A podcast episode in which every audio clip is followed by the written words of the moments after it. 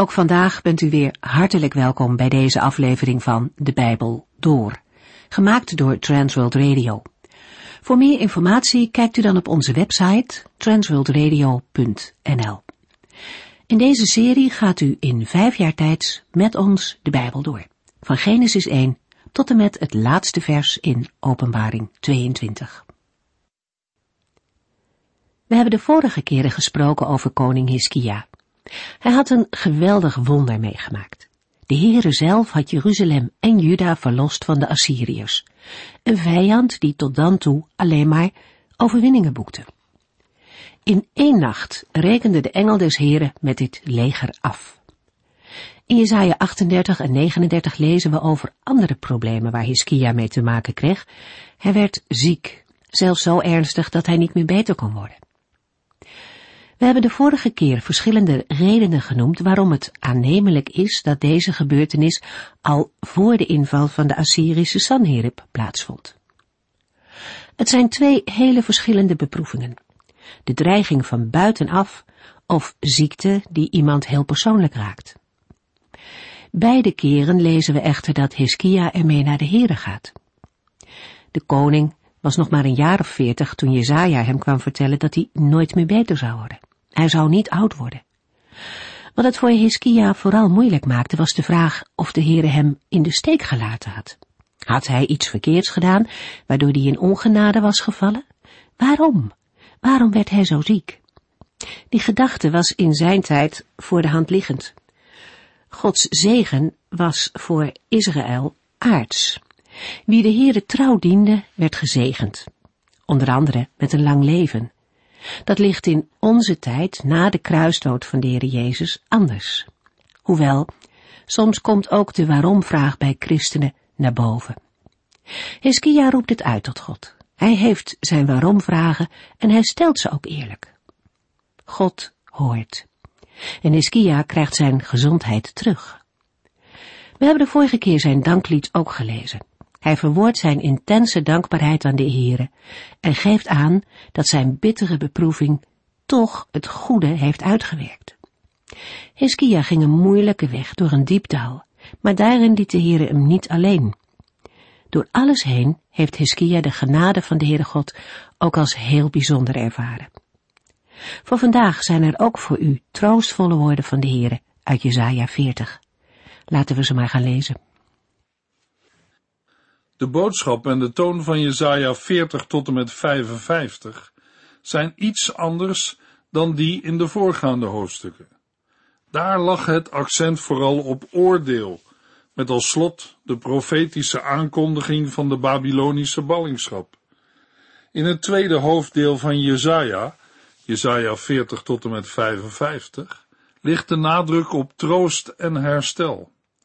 Israël mag dan ontrouw en ongehoorzaam zijn en daardoor de ballingschap over zichzelf hebben afgeroepen, toch blijft de Heere de enige God en koning van Israël trouw aan zijn verbondsbeloften. Hij zal Israël terugbrengen naar het land dat hij aan Abraham, Isaac en Jacob heeft beloofd. Jesaja 40 tot en met 55 wordt door de meeste Bijbeluitleggers thematisch in tweeën verdeeld. In Jesaja 40 tot en met 48 staat Jacob of Israël centraal en in Jesaja 49 tot en met 55 Jeruzalem of Sion. In Jesaja 40 tot en met 48 ligt de nadruk op de grootsheid van de Heere boven andere goden en op zijn trouw. Zij bieden de zekerheid dat hij Israël kan en zal verlossen uit situaties van ballingschap en nood. In Jesaja 49 tot en met 55 verschuift het accent meer naar het geestelijk herstel dat de knecht van de Heere zal brengen, waardoor Israël tot een zegen kan zijn voor de volken. Dit wordt gecontinueerd in Jesaja 60 tot en met 62, nadat in Jesaja 56 tot en met 59 gesproken wordt over de noodzakelijke bekering van het volk. In de proloog van het tweede deel worden in de eerste elf versen van Jesaja 40 beide thema's geïntroduceerd. Jezaja 40 vers 1. Troost, o ga mijn volk troosten, zegt uw God. De eerste elf versen van Jezaja 40 vormen de inleiding op de profetieën over troost en herstel. Allerlei belangrijke thema's die verderop worden uitgewerkt, worden hier geïntroduceerd. Met name de thematiek van troost voor Jeruzalem en de komst van de Heere naar zijn volk. Tegelijkertijd is er een nauwe aansluiting bij de profetieën van troost en herstel, die al eerder klonken in het Bijbelboek Jezaja. Jezaja 40 vers 1 tot en met 11 bestaat wat de opbouw betreft uit min of meer afgeronde versen, namelijk vers 1 en 2, 3 tot en met 5, 6 tot en met 8 en 9 tot en met 11. Door alle vier de coupletten heen klinkt de opdracht het profetische woord van de Heere te verkondigen. Er is een thematische aansluiting bij het visioen dat Jezaja eerder ontving in Jezaja 6. Lange tijd hebben uitleggers de versen 1 tot en met 8 getypeerd als het roepingsvisioen van Deutro Jezaja. Maar tegenwoordig wordt deze gedachte veel al losgelaten, onder meer omdat er een aantal typische kenmerken ontbreken. Deze verschuiving heeft gevolgen voor de uitleg. Niet de profeet zelf wordt aangesproken, maar Jezaja voert als profeet namens de Heere het woord. Wie de aangesprokenen zijn, wordt in Jezaja 40 niet nadrukkelijk genoemd.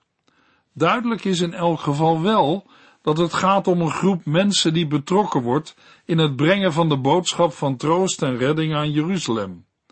Alle nadruk valt op de boodschap zelf.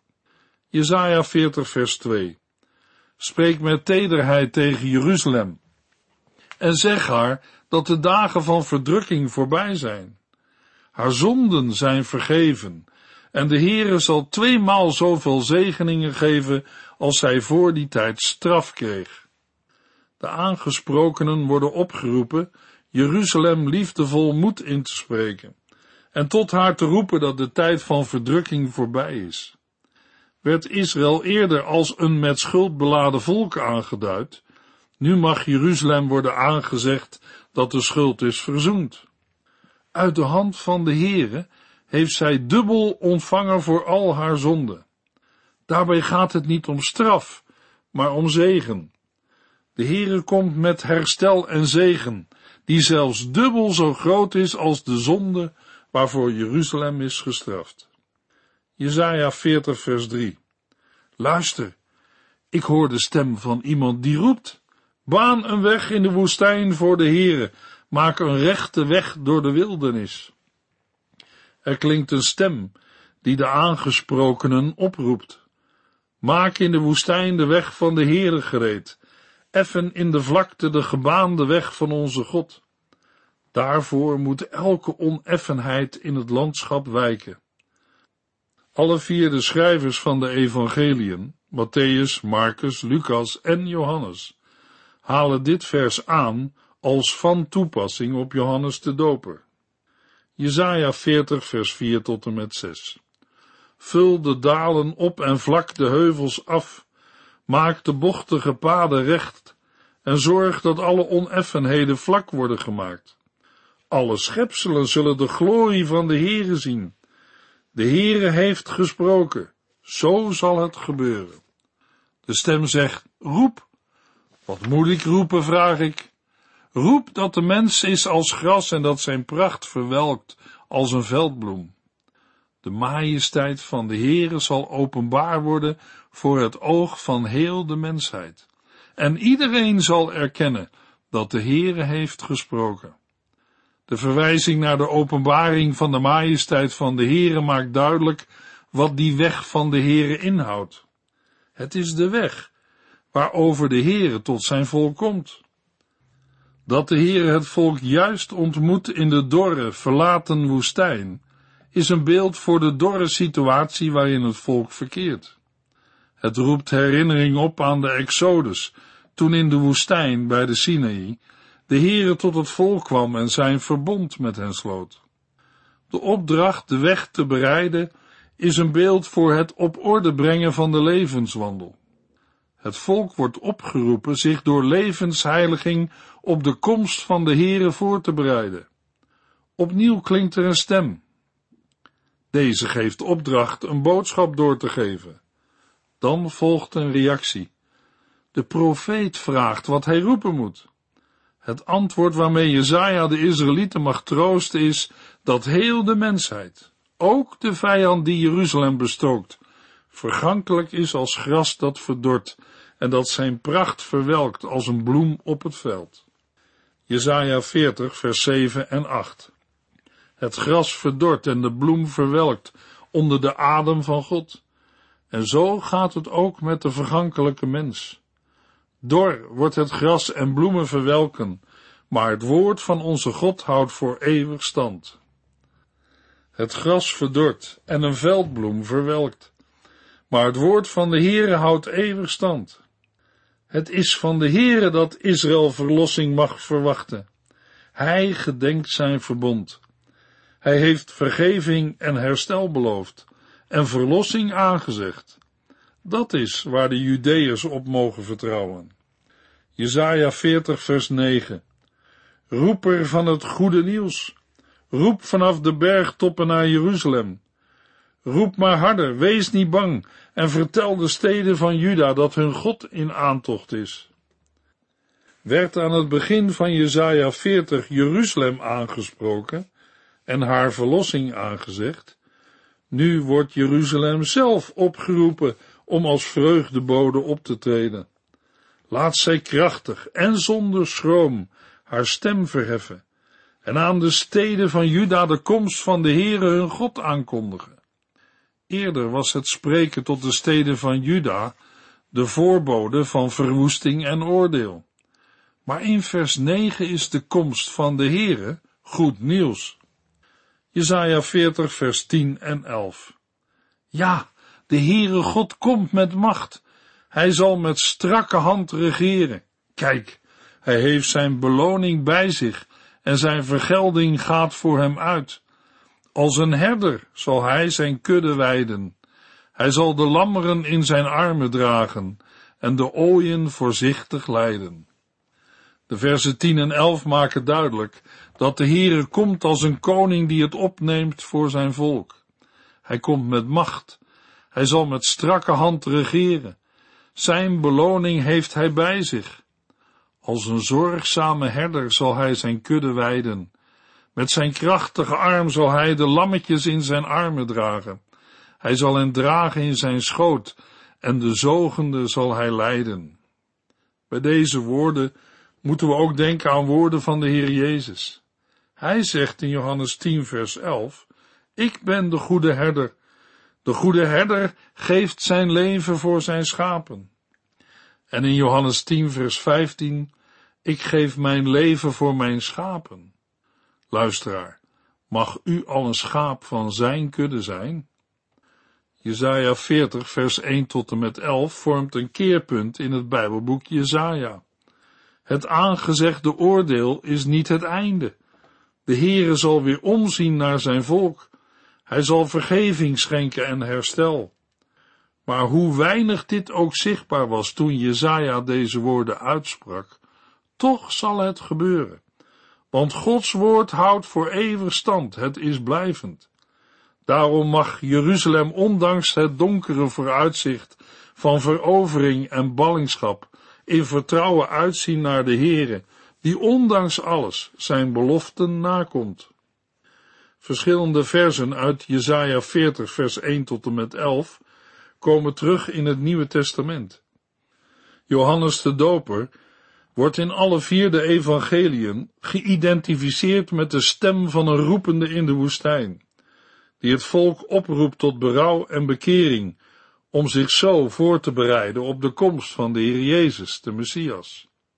Het contrast tussen de vergankelijkheid van de mens en de onvergankelijkheid van de Heere en zijn woord wordt door Petrus aangehaald als hij zijn lezers oproept tot broederliefde zoals dat past bij mensen die hun wedergeboorte niet te danken hebben aan vergankelijk, menselijk zaad, maar aan het levende en blijvende woord van God. 1 Petrus 1, vers 22 tot en met 25. Jezaja 40, vers 12. Wie hield de oceanen in zijn hand en grensde de hemel af tussen duim en pink? Wie kent het gewicht van de aarde en weegt de heuvels en de bergen? In de voorgaande versen mocht Jezaja Jeruzalem troost en herstel aanzeggen. Dat deze belofte niet op loze kreten berust en dat de Heer inderdaad bij macht is zijn volk te verlossen, blijkt in Jesaja 40 vers 12 tot en met 31. In de genoemde verse komt naar voren dat niets of niemand zich met de Heere kan meten. Na een meer algemene vaststelling in vers 12 tot en met 14 van zijn ongeëvenaardheid in de schepping en de geschiedenis, wordt dit thema in Jesaja 40 vers 15 tot en met 26 uitgewerkt met betrekking tot de volken, de afgoden, de aardse machthebbers en de zo vaak als godheden beschouwde hemellichamen. In de conclusie en tevens climax van dit gedeelte, Jesaja 40 vers 27 tot en met 31, roept Jezaja Jacob of Israël rechtstreeks op om op de Heere te vertrouwen en naar hem uit te zien. Dit tekstgedeelte heeft het karakter van een twistrede, waarin de aarzeling de Heere te vertrouwen aan de kaak wordt gesteld. Jezaja maakt daarbij veel gebruik van retorische vragen. Zo laat hij het volk als het ware zelf antwoorden dat er niets of niemand is te vergelijken met de machtige God van Israël. In de beschrijving van Gods onvergelijkbaarheid stelt Jezaja allereerst de vraag wie het toch is die hemel en aarde heeft geschapen. Het beeld dat daarbij wordt gegeven is dat van een vakman die met allerlei meetinstrumenten de juiste omvang van de dingen heeft bepaald. In de ogen van mensen mag dit alles dan onmetelijk groot zijn. In de ogen van de schepper is het niet meer dan een afgemeten maat. Daarmee wordt de grootheid van de Heere onderstreept. Jesaja 40 vers 13 en 14. Wie adviseert de geest van de Heere? Leert hem iets of geeft hem raad? Heeft hij ooit iemands raad nodig gehad? Moet hem worden gezegd wat goed of beter is? Als dan vervolgens de blik verschuift naar de wijze waarop de Heere de geschiedenis bestuurt, dan blijkt meteen hoe ongerijmd het is Gods bestuur in twijfel te trekken. Niemand is zijn raadsman geweest. Ook zelf is de Heere bij niemand te raden gegaan. Geen mens, al is hij nog zo machtig, kan zich meten met de soevereine God die de wereld geschapen heeft en de geschiedenis bestuurt. Geen mens kan hem zijn wil opleggen. Vers 13 wordt in het Nieuwe Testament tweemaal aangehaald door de apostel Paulus. In beide gevallen om duidelijk te maken dat Gods heilshandelen zich anders ontvouwt dan mensen zouden verwachten. Jesaja 40, vers 15 tot en met 17. Nee, want alle volken van de aarde zijn niets vergeleken bij hem. Ze zijn slechts een druppel in een emmer, een stofje op een weegschaal. De eilanden wegen niet meer dan een korreltje zand. De wouden van de Libanon kunnen niet genoeg brandstof leveren voor een offer dat groot genoeg is om hem te eren. En ook de dieren van de Libanon zijn niet genoeg om aan onze God te offeren. Volken betekenen niets voor hem. In zijn ogen zijn zij minder dan niets. Dat niemand zich met de Here kan meten, wordt op verschillende manieren uitgewerkt. Allereerst richt Jezaja de blik op de volken. De Israëlieten mogen dan naar de volken kijken en daarbij het gevoel hebben dat de grootmachten in deze wereld, zoals Assyrië, Babylonië en Egypte, de dienst uitmaken. Maar in de ogen van de Heere zijn ze volstrekt krachteloos. Voor hem zijn ze niet meer dan een druppel in een emmer of een stofje op een weegschaal. De Heer is zo groot dat zelfs de bosrijke Libanon niet voldoende brandhout en dieren kan leveren om hem de brandoffers te brengen die hem vanwege zijn grootheid zouden toekomen. In de ogen van de Israëlieten mogen de volken dan machtig zijn, maar voor de Heere stellen ze niets voor. In zijn ogen zijn zij minder dan niets. Jezaja 40 vers 18 tot en met 20. Hoe kunnen wij God beschrijven? Waarmee kunnen wij hem vergelijken? Met een afgodsbeeld? Een gegoten beeld overtrokken met goud en met zilveren kettingen om zijn hals? Een man die te arm is om zo'n dure God te kopen, zal een boom opzoeken die niet verrot, en daarna iemand huren die er een gezicht in uithakt. En dat is dan zijn God, een God die zelfs niet kan bewegen. Met nieuwe retorische vragen vraagt Jezaja met wie de Heere te vergelijken is. En hoe willen zij hem beschrijven? De vragen vormen een introductie op de volgende versen, waarin naar voren komt dat ook de goden van de volken, hoeveel macht hun door mensen soms wordt toegeschreven, niets voorstellen in vergelijking met de God van hemel en aarde. Het godenbeeld is gegoten door een vakman, met goud overtrokken door een edelsmid en van zilveren kettingen voorzien. Ondanks de vragen die de verwoording van deze versen oproept, is duidelijk dat de nadruk valt op het werk van mensen, in het maken van een godenbeeld. Wat een tegenstelling met de Heere, die zelf de grote schepper is, die als vakman met zorg de aarde en de mensen heeft gemaakt. Jesaja 40 vers 21 tot en met 24. Weet u het niet? Bent u doof voor de woorden van God, de woorden die hij uitsprak voordat de geschiedenis van de wereld begon? Hebt u het nooit gehoord en begrepen? God troont boven het rond van de aarde. Voor hem zijn haar bewoners als sprinkhanen. Hij hangt de hemel op als een gordijn en daar maakt hij zijn tent van. Hij veroordeelt de machtigen van de aarde en maakt hen tot nietige wezens. Nauwelijks zijn zij geplant en schieten zij wortel in de aarde, of hij blaast hen omver. Zij verdorren en de wind neemt hen mee alsof ze stro zijn. Opnieuw spreekt Jezaja zijn hoorders rechtstreeks aan. De nadruk op horen in deze vragen geeft nogmaals aan dat het niet gaat om het zien van godenbeelden, maar om het horen van het woord van de Heere. Het volk zou zich moeten realiseren dat in de ogen van de Heere, die troont boven het rond van de aarde, de mensen op aarde nietig zijn als sprinkhanen. Hij heeft de hemel als een gordijn opgehangen, een tent om in te wonen. Maar de machthebbers van de aarde, hoe machtig zij naar menselijke maatstaven ook zijn, maakt hij tot niets, de leiders van de aarde tot leegte.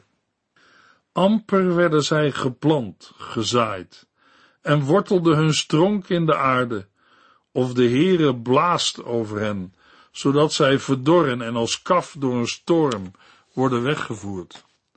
Als de Israëlieten zich dit zouden realiseren, zou het duidelijk zijn dat zij van aardse machthebbers, zoals Sanherib of de koning van Babel, niets te vrezen hebben. Vergeleken met de macht van de Heere zijn zij volkomen machteloos. Het is de Heere die de aardse machthebbers maakt of breekt. Jesaja 40 vers 25 en 26. Met wie wilt u mij vergelijken? Wie is aan mij gelijk? vraagt de heilige. Kijk omhoog naar de hemel. Wie maakte de sterren? Als een herder die zijn schapen leidt, ze bij hun namen roept en telt om te zien of er niet één verdwaald is. Zo gaat God om met de sterren en planeten. Dan klinkt opnieuw een vraag met wie God te vergelijken is. Nu gaat het niet om godenbeelden, maar om hemellichamen, die in het oude nabije oosten vaak als goden werden vereerd. Dat geldt niet alleen voor de godsdiensten in Mesopotamië, maar ook voor de Canaanitische godsdienst, die in de tijd van Jezaja grote aantrekkingskracht op de Israëlieten had. Jezaja roept het volk op, kijk omhoog, wie maakte al de sterren? Het antwoord is duidelijk, de Heere. Daarom is het ongerijmd, om wat op aarde gebeurt aan sterren of planeten toe te schrijven. Jesaja 40, vers 27 tot en met 31. Waarom zegt u dan, Jacob, en overlegt u, Israël? De Heere let niet op mij en komt niet op voor mijn recht. Begrijpt u het dan nog niet? Weet u nu nog niet dat de eeuwige God, de schepper van de verste uithoeken van de aarde, nooit moe of lusteloos wordt? Niemand kan de diepten van zijn begrip peilen. Machteloze en vermoeide maakt hij sterk. De zwakken geeft hij kracht. Jeugdigen zullen uitgeput raken en de jonge mannen zullen het opgeven. Maar zij die hun hoop op de Heere hebben gevestigd, zullen hun krachten weer terugkrijgen. Zij stijgen op met vleugels als van arenden. Zij zullen voortsnellen, maar niet moe worden. Ze zullen wandelen zonder uitgeput te raken. In de slotverse richt de profeet Jezaja zich tot zijn gehoor. De manier van aanspreken is liefdevol. Meestal gaat dit gepaard met de aankondiging van troost en verlossing. De Israëlieten die in dit gedeelte worden toegesproken, hebben het gevoel dat de Heere geen oog heeft voor de ellende waarin zij verkeren. Het is een klacht van alle tijden, die mensen ook vandaag kunnen ervaren als moeite hen treft. De boodschap die Jezaja mag verkondigen, is dan ook troostvol. Niets of niemand is sterker dan de Heere. Op zijn tijd en op zijn manier kan en wil hij herstel geven. Hij zal wie hem toebehoort nooit in de steek laten. Wie op hem vertrouwt, zal hij kracht geven en niet teleurstellen.